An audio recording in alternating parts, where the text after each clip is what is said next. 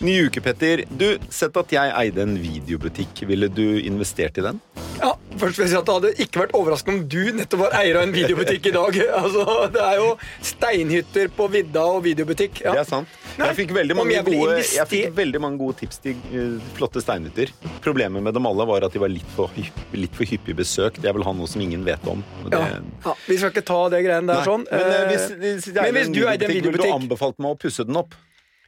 Eh, Da ville jeg bedt en stille bønn for deg eh, og tenkt hva er det han driver med. Eh, videobutikk det gikk av moten for veldig mange år siden. Mm. Eh, så, eh, men hvis, hvis det hadde vært en riktig stor videobutikk, altså en svær videobutikk, så har jeg sagt eh, jeg kjøper meg inn i selskapet ditt, og så har jeg gjort den om til en restaurant. Ja. For de lå jo ofte veldig bra videobutikken i gamle dager. Ja. Blockbuster hadde jo ofte de beste locationene. De hadde alltid hjørnelokalene. ja, hjørnelokalene. Og det er, jo, det er jo det mange mener Men hvor norske... vil du med denne videobutikken? ja, Det det skulle. For det er jo det mange mener at den norske stat og vi skattebetalere nå gjør med oljenæringen. Vi pusser opp en videobutikk, sier de. Eller de sier jo ikke det, for det er mitt bilde, som jeg har rappa fra en annen for mange år siden. Men, men det er jo det samme de mener, at vi investerer mye i fortidens energikilde, olje og gass, i stedet for å bruke innsatsen og pengene våre på solenergi og hav og vind og alt det der. Det er interessant. Pusser vi opp en videobutikk, eller eh, bygger vi for Jeg fremtiden nå? kjenner at ikke engang vi er helt enige her nå. Vi har jo to glitrende kandidater til å svare på videobutikken. Det er det vi har. Så Kristin Færøvik, du er jo uh... Sjef i videobutikken. Du er jo i dette tilfellet er- Daglig leder i videobutikken. du er, daglig, du er min daglige leder i denne fantastiske Men du har nettopp døpt om videobutikken. da Det Ja. er viktig å si. Fordi du, du er administrerende direktør i Lundin. Eh, velkommen. Takk for det. Nå heter hun Lundin Energy Norway. Norway. ja. Ja, Ja. Før var det Lundin Oil. Nei, Oil and Gas. Oil. Lundin Norway, et selskap jeg, okay. eh, jeg representerer. Ja. Ja. Men um, dere er jo blant de store leterne på norsk sokkel, og, har jo lyktes veldig godt med det. Uh, har god track record på å finne olje i, eh, i, på norsk sokkel. Eh, og er blant selskapene som da eh, kritiseres for å, å lete og drive frem fortidens energikilder. Dette må vi snakke mer om, og, og under koronaen så kom jo også denne, denne eh, særskatten for oljenæringen, hvor, som man da fikk fritak fra. Men vi må ha med deg også, Didrik Lund. Du er professor emeritus, som det heter så fint, ved Universitetet i Oslo. Velkommen, Didrik. Takk for det. Professor emeritus, det betyr at du har vært professor, Ja. basically? eller? Ja, jeg er pensjonert. Ja. Um, og du har jo, du har jo uh, uh, forsket mye på samfunnsøkonomi, og, og din take på oljenæringen, kan vi få den sånn kjapt? Er det en videobutikk? Uh, På en måte er det jo det, for i hvert fall alle de politikerne som tar klimaproblemet alvorlig, de skjønner jo at verden ikke lenger kan fortsette å spy ut klimagasser i samme grad som før. Og det betyr jo at uh, dette må ta slutt, og faktisk uh, at det begynner å haste. Ok, men fordi da, jeg skal, jeg, skal, jeg skal gi meg snart med videobutikk-eksempelet, men jeg skal holde bitte litt grann til på den. Fordi det er jo en dårlig idé å pusse opp en videobutikk nå, fordi det fins andre og langt bedre løsninger for å få sett en film en lørdagskveld enn å gå ned på en butikk og leie en fysisk video. Men det er vel ikke sånn at det finnes langt bedre og billigere og mer effektive energikilder enn olje og gass, Kristin? Det stemmer. Eh, og så er det mange årsaker til at videobutikk-analogien ikke stemmer så Ja. Fordi at eh, den måten vi driver oljevirksomheten på i dag, er ganske annerledes enn når videokassetten hadde sin eh, høytid. Eh, og der ligger norsk sokkel så langt foran store deler av verden i, i måten vi driver på. Og det er jo fordi vi har hatt eh, forutseende myndigheter som har satt veldig Så vi har renere olje, vi har bedre olje. vi slipper ut mye mindre per fat produsert. Ja. Eh, men, men altså mitt utgangspunkt eh, er jo, og, og kanskje eh, har jeg et annet ståsted der enn en, en, en profe professor emeritus, eh, at vi kommer til å trenge olje og gass eh, i, i mange tiår fremover, og da eh, mener jeg at eh, de, de, de som kan levere denne oljen på den mest ansvarlige måten, bør stå for den produksjonen. Og norsk sokkels konkurransekraft viser seg jo nå, når, når, eh, kravene til måten vi driver på blir stadig, stadig sterkere eh, fra finansinstitusjoner, fra aksjonærer, fra våre ansatte, så leverer eh, Men norsk eh, eh, at, at norsk olje og gass er eh, Må nesten ta gåseøyne på det, da. Du holdt på å si grønnere. Ja, ikke Ja, sant? så At det er i det gåseøyne grønnere er produsert, men det er vel sånn omtrent like lite grønt konsumert som olje og gass fra Storbritannia eller USA eller andre det, land. det stemmer. Mm. Og det er vel hovedpoenget til de som mener at Norge burde investere mindre i fremtidige olje- og gassinntekter. Det at utslippene av CO2 fra norsk olje er med på å bygge opp under klimakrisen. Men- Utfordringen er bare det at hvis eh, norsk sokkel stenger ned, så vil den bli erstattet av produksjon fra land som slipper ut mer. Så Hvis man har som utgangspunkt at vi kommer til å fortsette å forbruke olje og gass Det brukes jo ikke bare til, eh, til e- energiproduksjon, det er også en råvare i svært mange av de produktene vi omgir oss i, med i, i hverdagen, Ja, som vi per i dag ikke kan tenke oss det, det, er- sånn, og her er med fare for at jeg tar veldig feil. Produserer, det, det forbruks omtrent er det 100 millioner eh, fat per dag. Cirka. Ja, ok, Det er størrelsesorden. fint. Så, og, det, og det er sånn, dette er jo noe det, det er, så Om det er 90 eller 100 millioner, spiller ikke det, det er det som uansett markedet er ute etter per i dag. Og noen må levere det. Og det du sier her, det er veldig bra om Norge leverer det. Så øh, da, det er øh, Didrik man, man sier kanskje ikke fornavn til en som er sånn emeritus Det kan du gjerne gjøre. Okay. eh, Jeg var, ble, var veldig usikker. Herre professor, eller hva, hva jeg skulle uærbødig å bruke fornavn. Har du frukt- og grøntkurs og liksom grillkurs fra Kjøpmannsinstituttet, Ja. så blir du litt sånn lua i handa når du står her. Ja. Når det, liksom Jeg så på CV-en hans, det ser jo ut som eh, eh, spekken på et eh, hotell du skal bygge. Men altså, det, det, det er et faktum. Vi har et forbruk og en etterspørsel etter olje, la oss kalle det 100 millioner fat per dag. Og så har vi noen som skal produsere det. Mitt første spørsmål er hvorfor skal ikke Norge være med og produsere det når vi har det, og som vi hører her, det er faktisk eh, lavere utslipp på norsk sektor enn veldig mange av de. De som erstatter det, har mer drit i olja enn det vi har. Det er spørsmål én. Spørsmål to, skal vi ikke ta big coal først? Kull er mye mer forurensende enn olje, og det brukes enormt med kull i verden. Hvorfor tar vi ikke kull først? Ja, men det gjør vi jo. Altså, Ja, okay. kull, eh, kullforbruket i verden vil gå ned, og, og kullselskaper har jo eh, blitt mye mer upopulære enn oljeselskapene allerede, sånn at det tror jeg er eh, nokså klart.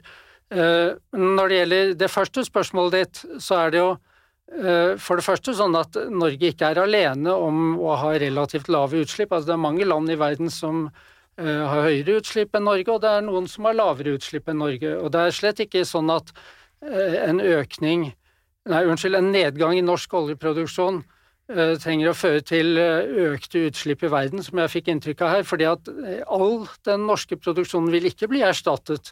Eh, det er grunn til å tro at eh, hvis Norge holder tilbake på oljeproduksjon, så er det med på å få prisen opp. Og det vil bli etterspurt mindre på grunn av Nei, unnskyld. eh, Prisen opp, det vil bli etterspurt mindre av det. Men Du mener ikke at russerne da tenker på at nå produserer Norge mindre, nå holder vi kranene våre på samme nivå? Altså, Jeg kan Nei, ingenting om det her, men det har jeg ikke sagt, men, men det er ingen grunn til å tro at de produserer så mye mer som det Norge reduserer. Men jeg vil Men gjerne, Norge jeg vil gjerne nevne en annen ting. 2 2 Så du tror 2 eh, det kan være med på å eh, redusere utslippene, fordi den eh, kapasiteten Norge tar ned, og 2% hvis vi kutter alt, stopper kranene, så vil ikke den bli erstatta. Det tror jeg er naivt. Jeg tror at da kommer Saudi, jeg kan ikke alle de landene, eh, Russland eller eh, Fracco eller hva fasen det er, de kommer til å bare skru opp kranene sine igjen. Dette er pengefri. Du tror ikke det? Nei, den vanlige effekten i et marked av at eh, noen tilbydere reduserer tilbudet, det er jo at prisen går opp, og derved at alt i alt så blir eh, omsatt kvantum lavere. Det er, det- det- det, Men da får du jo noen- et insentiv til økt vanlig, og det- investering. Hvis jeg har hotell, og, og Nei, Scandic stenger hotellet ved siden av, og jeg har ledig rom Jeg sier ikke nei, nei, nei. De får gå et annet sted. Ja, Nei, fordi, men en grunn til at uh, vi kan se at dette faktisk er en realitet i dag, det er at Norge bidrar jo med dette akkurat eh, nå, eh, etter det som skjedde i vår med kraftig prisfall og eh, problemer med samarbeid blant tilbyderne av olje, så bestemte jo Norge seg for å redusere tilbudet. Og det er jo nettopp for å bidra ja, til å holde prisen oppe. Man, ja, men hvis man trodde at det ikke hadde den effekten, så ville man jo ikke gjøre det. Men sett at man skrudde av, sett at øh, øh, norske myndigheter over natten sa at det er, fra og med nå er det ikke lov å produsere olje på norsk sokkel. Så ville tilbudet av olje, umiddelbart tilgjengelig olje, falt med 2 da, kanskje, ca. 2 eh, Det er jo mange land i verden og mange oljeprodusenter i verden som lar oljen ligge i bakken, eh, men har det muligheten til å øke produksjonen sin ganske raskt så ville man ikke da bare fått opp litt mer av den oljen fra bakken, og så hadde prisen falt ned igjen på det nivået den var før olje skrudde av kranen? Det er ingenting som tyder på at de produsentene du snakker om, sitter og følger med på hva Norge gjør og skrur opp av at Nei, Norge det ville de ikke gjort, de men de ville sett at hvis prisen følger- steg, ja, så ville de nettopp. eh, Og- økt sin Ja, men det var jo det jeg sa. Det normale som kommer til å skje i et marked hvis en av tilbyderne reduserer tilbudet, det er at prisen ender på et høyere nivå, og det blir litt mindre omsatt kvantum enn det var før. Men pris, men, ok, men fordi det, mitt oppfølgingsspørsmål eller det, det er, fordi det er jo nok av olje i denne verden. Jeg tror det vi ikke mangler i denne verden, er olje. Eh, så jeg vil jo tro at ganske raskt så ville stigende priser ført til at tilbudet av olje fra andre kilder enn den norske sokkel ville økt. Eh, eh, eh, men hvis vi liksom, går litt videre Sett at verden ikke hadde olje. Hva ville eh, skjedd da, Kristin? Det blir jo veldig sånn Det er jo høyst hypotetisk, Veldig selvfølgelig. Men hypotetisk og veldig teoretisk. Verden ville vært et fryktelig mye fattigere sted. Det er i hvert fall eh, hu- 100 sikkert. Eh, Altså, energitilgang er er nøkkelen til all økonomisk vekst, og det som gjør at vi eh, at, at, Som har tatt verden til et sted der vi er i dag. kunne man Løfte folk ut av fattigdom. Og så har selvfølgelig eh, fossil eh, energi noen ulemper som vi nå kjemper med å gjøre noe med. Eh, men som Petter var inne på, det, det er nok andre kilder til utslipp som bør adresseres først. Altså Om Norge tar ut sine 2 eh, oljeproduksjon, så snakker vi om pr promillereduksjon i Tror, utslipp. tror så, så du det at de veldig blitt erstattet ganske enkelt? Hva sier du for noe? Tror du den, Hvis Norge hadde stoppet Ja, det, ja da, det er jeg helt sikker på. Uh, og så spørs det jo, og så er det selvfølgelig denne diskusjonen handler også om hva slags tidsperspektiv snakker du om. Altså, denne eh, diskusjonen vi nettopp hadde, blir for meg også veldig teoretisk, Ja. fordi at vi har jo et, vi har jo et, et storting som Altså det er et politisk villet ønske at vi skal drive virksomhet på, på norsk sokkel, og vi får tildelt et samfunnsoppdrag med hver eneste Men jeg, jeg, jeg, gå til noe som er litt mer men, ah, men, eh, fordi, eh, men, men for å bare lyst til å følge opp det fordi det, det, Er det noen uh, rene energikilder i dag som kan erstatte olje? I, i, på ti års tid, er det noen, etter din mening, Det- mulig det å er- erstatte er oljen med sol, Det er absolutt ikke enkelt å. Ja, øh, nei, altså sol og vind krever jo Vi, vi har jo Det finnes jo ikke batterikapasitet til å lagre energi, så, så det å, å være avhengig av væravhengig energi er jo veldig problem... Det går ikke an å industrialisere eh, med det som, eh, som utgangspunkt. Så det er jo det ene. Og så brukes jo olje og gass til andre ting enn å produsere strøm og kraft. som Så er det, det, eh, jo, det er jo derfor vi har Det er derfor dette er men- et vanskelig spørsmål. Hvis det hadde vært mer- enkle ja, løsninger, Men så la oss ja. gå litt mer på realistiske løsninger. Nå, et, Equinor har bytta navn fra Statoil fordi de skal bli et energiselskap. Eh, Lundin har gjort det samme. Lundin Energy. Og jeg liker jo den der ideen om at fokuset i de store selskapene som har enorme ressurser, også begynner å endres. Starten på endring går jo på signalene kommer fra toppen. Vi er ikke bare olje- og gasselskap, vi er et energiselskap. Og da begynner de å flytte investeringene, kompetansen og sånt noe, på andre områder. Tror du, eh, og det er et spørsmål ikke til deg, Kristin, det går til eh, Didrik. Tror du at det er en realistisk løsning, at vi nå har en transformasjon, ikke en revolusjon, eh, altså stoppe oljeproduksjon, men en transformasjon inntil andre, mer bærekraftige løsninger? Ja, altså jeg vil ikke gå inn for å stoppe oljeproduksjonen i morgen eller noe i den sjanger. Eh, Så en eller annen form for transformasjon må vi ha.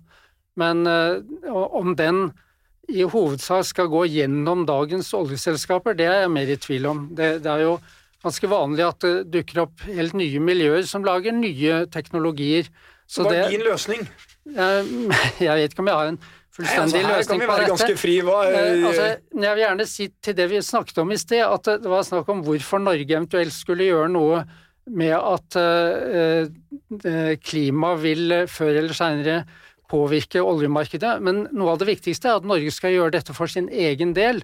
For, ikke, ikke først og fremst for å påvirke klimaet, men fordi Norge trenger en omstilling. Og det er veldig farlig å være så konsentrert om oljevirksomhet som Norge er. Altså, det har vi sett ikke minst i år, hvor stort nærmest ramaskrik det ble i både oljenæringen selv og leverandørnæringen. Eh, da det skjedde brå fall i oljeprisen. Og dette er jo eh, det vi må regne med vil skje framover også. Uh, altså, hvis, Så du mener vi skal Norges... ta opp olja fortere for å sikre oss nei, en bra pris? Nei, jeg mener ikke det. Tvert imot. Jeg mener at uh, vi skal uh, gi signaler nå om at det vil komme en nedtrapping, og oljeselskapene må forberede seg på det. Ikke ved å produsere mer olje, men ved å bli mer selektive. Eh, ikke, antagelig så skal vi, bør vi ikke dele ut nye leteområder i det hele tatt. I hvert fall ikke eh, i områder hvor det ikke er infrastruktur fra før. Eh, det er én måte. Da begynner vi på en måte i den, den enden som, ja. som, virker lengst fram i tid, da, at, fordi at det går veldig lang tid før disse eventuelt men, kommer i produksjon. Det er bare sånn, Men Norge har jo vært et foregangsland når det gjelder nettopp å ta eh, avkastningen på det vi har fått ut av olja, og putte det inn i det norske oljefondet, som igjen har bygd opp en av verdens største sånn per capita-formuer, om ikke det er den største, som er de 10 000 milliarder, som nå ikke basically er investert De er investert i verdens børser, alt annet enn uh, olje og gass uh, primært. Uh, det har jo vært en suksessformel. Ja. Hvorfor skal vi ikke fortsette med det parallelt med at vi starter transformasjonen? Altså, jeg, jeg, sier jeg vil ha begge deler. Jeg skjønner og jeg er, for, jeg, jeg, jeg er, på din side. Jeg bare sier sånn Jeg prøver å finne løsninger som, eh, som, som er eh, realøkonomisk fornuftig. Ja, en viktig grunn til det er jo at det er altfor mange som i dag er avhengig av å jobbe med olje og gass her i landet. Sånn at hvis du skal fortsette på den måten som har vært, for ikke å snakke om den med, med den typen skatteendringer som kom i juni, så vil eh, avhengigheten ikke gå ned, den vil bare øke. Eh, altså, da snakker jeg ikke om eh, den finansielle avhengigheten. Du har helt rett i at det er blitt investert på andre måter, det som har vært tatt ut. Men jeg snakker, snakker om arbeidsplasser, alle de bedriftene som i dag jobber i næringen og leverer til næringen. Sånn at det er en veldig god grunn til å starte en langsiktig nedtrapping av denne næringen. Vi, vi, så jo eh, kanskje først og fremst før korona, men vi begynner å se det igjen nå, Kristin, at eh, finansmarkedet eh, har vært ganske sterk pådriver for endring av energibransjen, og flere olje- og gasselskaper, og ikke minst kullselskaper, har jo slitt med å få finansiert sine prosjekter, fordi finansmarkedet sier nei, vet du hva, vi vil ikke ha noe av det. Vi vil heller eh, investere i, i grønnere energiformer. Eh, opplever dere at det er blitt vanskeligere for dere også å få finansiering for prosjektene deres? Nei, eh, Lundin opplever ikke det, men vi opplever et, en, eh, en, veldig oppmerksomhet om hvordan vi driver virksomheten vår på. Det er det jo ingen tvil om. Uh, og uh, det er jo også uh, Altså jeg må bare få kommentere noe som, som Didrik sa i, i, i, sted. Vi er jo overhodet ikke uenige om at Norge trenger flere ben å stå på. Men vi jobber med en ikke-fornybar ressurs, sånn at naturen tar på mange måter hånd om, om det. og, og når, når, det var så viktig for industrien å få til eh, de eh, skatte, midlertidige skattetiltakene nå i sommer, så var det jo nettopp for å redde leverandørindustrien. Ikke for ol- eh, oljeselskapenes eh, ressurser blir liggende i bakken, forsvinner ikke fordi vi ikke tar ta de ut i morgen.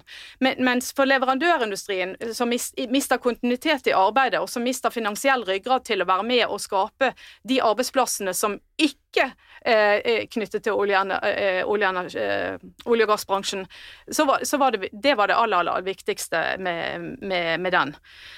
Tilbake til spørsmålet ditt. eh, Ja, med finansieringen. Finansiering, yes. Ja, nei, vi har ligget i forkant av, av hvilke forventninger som vi, som vi kjenner på både fra finansinstitusjoner og fra, fra aksjonærer, og, og som jeg sa, også fra, fra, øh, fra e egne ansatte i forhold til måten vi, vi driver virksomheten på. Derfor var, gikk Lundin ut og, og, og satte noen av de mest ambisiøse målene for et, for et oljeselskap i vinter. Eh, vi skal være karbonnøytrale innen 2030, som jo er et, et, eh, et skritt videre enn det som eh, Hva betyr det? at dere skal Fordi da har dere ti år på dere å bli karbonnøytrale, og det er fra en oljeprodusent. Hva dere, må dere Ja. gjøre for å få til det? Altså det, det viktigste virkemiddelet er jo de investeringene vi nå har gjort det på i, i eh, kraftforsyning til eh, Johan Sverdrup og Edvard Grieg-området. Eh, Elektrifisering av, av sokkelen. Ja. Og så er det jo å, å eh, se hvilke mekanismer vi kan eh, kan, eh, hvilke tiltak vi kan gjøre for å ta hånd om og nøytralisere, om du vil, eh, restutslippene. Ja, ok. Men Så det handler om produksjonen av olje, Ja. ikke hele verdikjeden som eh, produksjonen av olje utløser i form av CO2? I, ikke eh, i form av forbruk, Nei. men vi bruker også eh, vi, Men- vi, Men vi, vi bryr oss i aller høyeste grad om eh, utslippene i leveran leverandørkjeden. Ja, Men dette er jo bra tanker, Didrik. Eh, Det er veldig bra at eh, det blir mindre utslipp eh, i produksjonen, men det er jo fortsatt sånn at 95% av utslippene kommer jo der hvor oljen og gassen brukes, sånn at det blir tross alt en liten del av det hele. For et bitte lite olje- og gasselskap på norsk og dansk sokkel for en del år siden, Dong, danske Dong, la jo om sin virksomhet eh, radikalt for en del år siden og satset eh, hardt på vindkraft. Nå tror jeg de er helt ute av eh, olje- og gassproduksjon, eh, og er jo blitt et sånn yndet eksempel verden over, og brukes mye av finansmarkedet. og Jeg tror til og med det er blitt et Harvard-case nå, på hvordan man kan transformere en, en, en fossil Var ikke det selskapet som lagde skibakke på toppen av anlegget sitt? Jo, de har det. I Eh, Danmark, i København. og det, og det selskapet har jo nå gått, eh, gått fra å være en, en liten olje- og gassprodusent til å, å bli en betydelig havvind- og, og vindkraftaktør. Eh, og prises vel i, aksjemarkedet høyere Det er kanskje bare slått av Equinor i, i, blant skandinaviske energiselskaper. Eh, vil den type case gjøre det gradvis vanskeligere for selskaper som Lundin å finansiere virksomheten sin? Det, det, er- det er litt vanskelig å spå om, om fremtiden. Men, ja, men du har jo meninger men- om dette, har du ikke det? Jo- jo, altså, vi- hva, hvor, vi- hva vil skje med kapitalkostnaden til et oljeselskap i årene fremover? Jeg må konsentrere meg om det jeg kan gjøre noe med. Eh, Og det er å drive eh, en virksomhet som er konkurransedyktig i det markedet vi opererer i. Eh, Og da mener jeg at Lundin har norsk sokkel rent generelt mm. faktisk står seg bedre i dag. Equinor for, men- men- for Equinor men- forsøker jo å gjøre en dong. Jeg, jeg tror det, er så enkelt. er Penger er ikke problemet for oljeselskapene. Tilgang på kapital den er, tror jeg, fortsatt uh, mer enn tilstrekkelig både for Lundin og alle de andre. Så uh, det, er altså, det, jeg ser ikke det som utfordringen. Utfordringen er, er liksom hva har konsekvenser liksom, Hvilke konsekvenser har at oljeprisen er 40 dollar? Er det det nye øh, nivået vi skal ligge på, eller er det 20, eller er det 60? Hva er det nå? 40? Der omkring. Ja, ok. Hva tror du? Normal oljepris fremover? For det tror jeg forteller mye om finansieringsmuligheten. Går den til 20? Hva er, det, hva er Lundinses uh, break-even eh, på oljepris? 20? den, ja, den er under 20. Under 20? Under 20. Eh, som er veldig lavt. Ja, for, for meg handler det om å, å være robust til å tåle oljeprissvingninger. Jeg har vært gjennom så mange oljeprisfall og stigninger til å vite både at, eh, at uh, det er et forbruk i markedet, uh, men at også at trærne ikke vokser inn i himmelen. Så det å drive robust, holde kostnadene nede, jobbe med For jeg, jeg det- tror heller ikke at Jeg mener ikke med spørsmålet mitt å si at penger er et problem for Lundin og andre ved at de ikke klarer å finansiere nye, nye, nye felt, men, men det er jo mer det at eh, når aksjekursen er fallende for en del i denne sektoren, og det er vanskelig å få aksjekursen til å stige igjen, så tror jeg at mange av aksjonærene i en del tradisjonelle energiselskaper vil gå andre steder, med mindre selskapene gjør som Equinor og forsøker å få til en mer balansert Og det, og det tilgang ser vi. på Kjell Inge Røkke gikk jo inn nå i nye grønne initiativ, Og- og, og de forandrer navnet sitt. Equinor gjør det. Så det er jo en hel bransje her på vei i en retning som både Didrik og jeg setter pris på. Jeg tror der vi er uenige, er hvor fort og hva, hvilke liksom, tiltak må til for å komme dit fort nok. Og vi er, vi er også enige om alle sammen, tror jeg du også kan være enig om, at i forhold til nå Paris-målene så ligger vi litt etter. Ja, jeg er stygt redd for at vi ligger mye etter. Eller, altså, det er ganske stor forskjell på om verden blir varmt opp 2,5 grad eller 1,5 grad, Ja. så Og nå ligger vi mer på sånn 2,5 grad takt. det er far for det. Vi, eh, Ja, sant? Så det, det handler jo om hvordan eh, Hva er, hva er den beste måten eh, å, å, å finne de gode løsningene på Ja. fremover? Jeg tror mange lyttere ser for seg en, et Norge i fremtiden som ikke henter opp olje og gass fra norsk sokkel. Om 50 år frem i tid, ikke noe olje og gass. Tror du det er realistisk? 50 år er lang tid. 50 år er lang tid. Ja, men samtidig ikke så lang tid når du Eh, tenker på utbyggingen, Av, eh, av Johan Sverdrup. Ja. Eh, Ja, hvor mange år, Der har vi olje kanskje i 50 år der. Ja, så jeg tviler vel på det. Men det jeg er ganske sikker på, det er jo at eh, eh, olje- og gassindustrien er, er en mindre del av eh, norsk økonomi. Både fordi at eh, det er ikke en fornybar ressurs. Eh, og fordi vi har funnet eh, andre lønnsomme arbeidsplasser. Vi har ja, det er etterspørselen eh, Altså, energimarkedet er jo i endring. Det forholder alle Ja. seg til. Så miksen er annerledes. Så miksen er annerledes, men at, eh, at, at verden etterspør olje og gass om eh, 50 år, det er ganske trygg Hva tror du, Dirik? Johan Sverdrup, mener du at det var riktig av Norge å klinke til? Det er kanskje det største funnet vi har gjort noensinne i historien. Vi snakker om ting jeg ikke kan her. Et av de?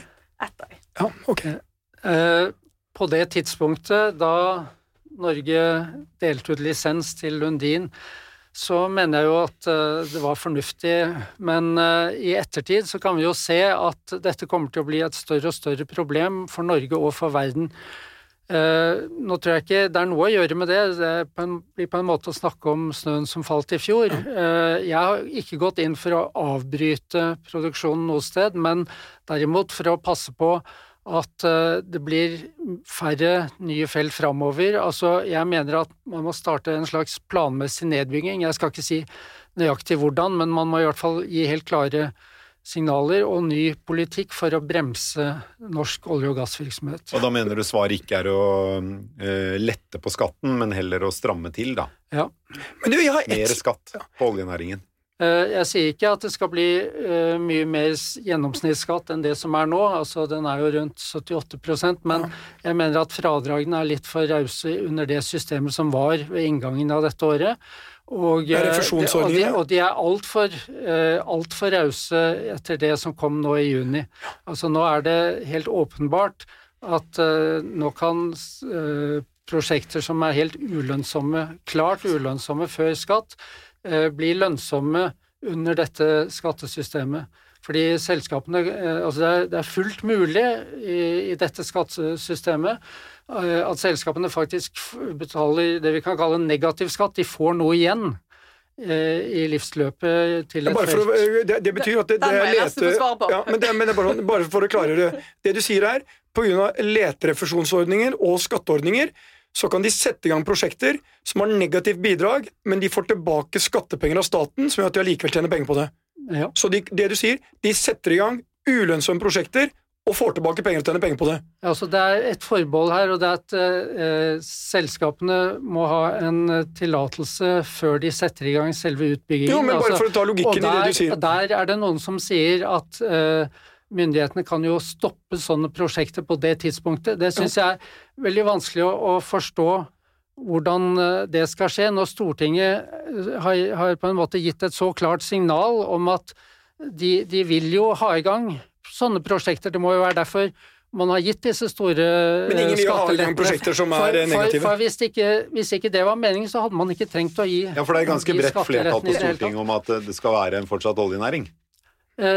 For tida så ser det sånn ut. Nå er det jo det siste var vel nå partiet Venstre Kristin, du Kristin, holder på å det. Ja, ja, ja. Nei, jeg må jo få kjør på nå. svare på, på denne. for Vil Lundin dette- Energy sette i gang ulønnsomme prosjekter for å suge ut eh, eh, altså støtteordning fra norske stat? Overhodet ikke. Nei, det, det blir eh, en sånn veldig eh, teoretisk verden for meg. For, for det første så skal alle investeringer skal jeg, jeg skal forsvare det overfor min egen ledelse, som skal forsvare investeringene overfor eh, eh, styret, eh, altså våre, våre aksjonærer. Og så har vi et ekstremt kompetent myndighetsapparat. Olje- og energidepartementet, Oljedirektoratet, som skal gi sitt besyv. Og de vil selvfølgelig aldri eh, si ja til et prosjekt som ikke er samfunnsøkonomisk lønnsomt. Eh, Det så har er den før. eneste vi, omtrent den Vi eneste vi var jo ikke en spør, er jo hårsbredd fra å få ferjefri kyst. Så det, det var, ja, Den eneste vi ikke spør, er Didrik Lund. Eh, jeg tror vi ikke kan legge til grunn at verken norske politikere eller norske embetsfolk eh, alltid fatter eh, beslutninger som er langsiktig samfunnsøkonomisk lønnsomme. Det må vi, vi får jo håpe på det, men jeg tror det er en del andre hensyn som gjelder også. Så det viktigste vi har her for å sørge for at eh, beslutninger tas på en, en riktigst mulig måte, er jo markedsmekanismen. Det, er jo, det, er, det er jo den som så briljant regulerer barnehagedekning og sykehusplasser og alt mulig. Det er knapphet på goder. Og, og, og utfordringen er vel at det er ingen knapphet på gode olje og gass, verken på norsk sokkel eller globalt. Så det å da si at nei, nå skal vi kutte ut og produsere olje når det er mer lønnsomt enn å smugle narkotika, det er litt vanskelig. Ja. Men, eh, Problemet er vel at det er ingen som vet hvor lønnsomt dette blir eh, i framtida. Og vi må huske på det at Norges klimapolitikk er veldig mye basert på internasjonale avtaler. De, altså med avtaler med EU og avtaler, Parisavtalen, tidligere også Kyoto-avtalen. Alle disse går ut på å redusere eh, etterspørselen etter olje og gass. Eh, det er det som på en måte skal berge klimaet. Eh, Det betyr at Norges klimapolitikk går ut på å få ned prisene på olje og gass. For vi kan vel si, det, det- det Didrik, er- at klimapolitikken taper hver gang norske politikere skal vurdere fremtiden til norsk sokkel? Jeg håper de ikke taper hver gang, men eh, det har I vært noen. Det har vært noen nederlag. Eh, Men, men altså, det jeg vil ha fram er at det er norsk offisiell klimapolitikk at prisene på olje og gass skal gå så mye ned at det ikke blir lønnsomt å produsere så mye olje og gass rundt omkring i verden framover. Eh, Sånn at vi må være forberedt på, og vi må håpe på, at prisene på olje og gass går kraftig ned, så mye ned at vi kan nå Parismålene, helst eh, bare 1,5 grad oppvarming. Ok. sa- samtidig må vi tenke på at det tar tid eh, å omstille seg. Og vi er ganske avhengig av dette landet eh, for å opprettholde den velferdsstaten vi har. eh, at vi gjør over litt tid. Og jeg er basically enig med deg, vi, men Norge er jo ganske aktiv på miljøsiden. eh, og er vel en av de landene som er relativt flinke. Relativt. Det er, jeg vil si det er store indre motsetninger i norsk politikk, da. Eh, Man kan ikke utstede noe attest på at Norge som helhet men fører en jeg- bra miljøpolitikk, men det er, det er riktig at det har vært gjort en del bra ting. Tilbake til spørsmålet mitt Ja, i inngangen. inngangen. Da ville du eh, finansiert oppussingen av videobutikken min, basert på det du har hørt nå? Definitivt ikke. Definitivt ikke. Eh, så du, må, du Vi- måtte nok eh, Vi bygger om, og så lager vi en restaurant, Petter. Ja, jeg tror nok at den der svenske eh, kjeden Max Burgere Ja. kunne vært en eh, suksess for videobutikken, eh, Ja. fordi de lager vegetarburgere, som nå er nesten mer populære enn de gamle kjøttburgerne. Men eh, Jeg hadde nok, Hvis jeg hadde det på handa, så hadde jeg nok gått inn og gjort et deleierskap med deg i videobutikken din, for den var jo på full fart ned. Den er på full fart ned. Du, øh, vi øh, Må oppsummere. Ja, vi må vi, Ja, vi, vi må det, men, men, men vi har lyst til å høre fra lytterne, vi. Om de har noen spørsmål eller kommentarer, så send dem inn til oss på en av våre sosiale mediekanaler. Vi er på både Instagram, Facebook og LinkedIn. Ja. Så send noen spørsmål der. Eh, så prøver vi å svare på dem i løpet av uken eller i neste ukes pod. Ja, vi, vi, vi, det er vel litt sånn fornyelse hos oss også. Vi introduserer en ny ting. Nå skal vi ha mer dialog med lytterne våre. Mer dialog. Ja. Og vi, vi må jo si at vi setter veldig pris på lytterne våre, og vi har jo fått veldig mye tilbakemeldinger. Um, og, og det er også en ting jeg kunne legge til. Hvis det er eh, mennesker som dere virkelig ønsker vi skal invitere i podden, uh, kom med noe innspill. Altså, Vi er jo åpne, og vi, eh, vi må vel være så ærlige at vi eh, Noen nye morsomme gjester her, det tar vi. Det er gøy. Men det er jo temaene våre er jo ganske Det er jo ikke så mye vi kan så mye om, så det er Det begrenset. det er derfor vi trenger er derfor vi gode har gjester. behov for eh, innspill av gjester. Og apropos gjester, tusen takk skal dere ha for at dere kom, Didrik Lund og Kristin Færøvik. Vi snakkes igjen neste uke. Det gjør vi.